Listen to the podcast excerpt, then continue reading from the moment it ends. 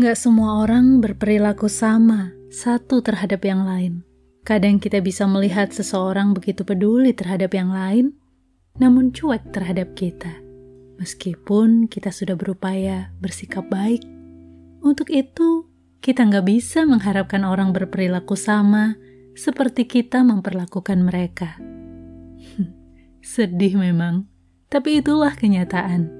Sama halnya dengan kita, Gak bisa mengharapkan orang berpikiran sama seperti yang kita pikirkan.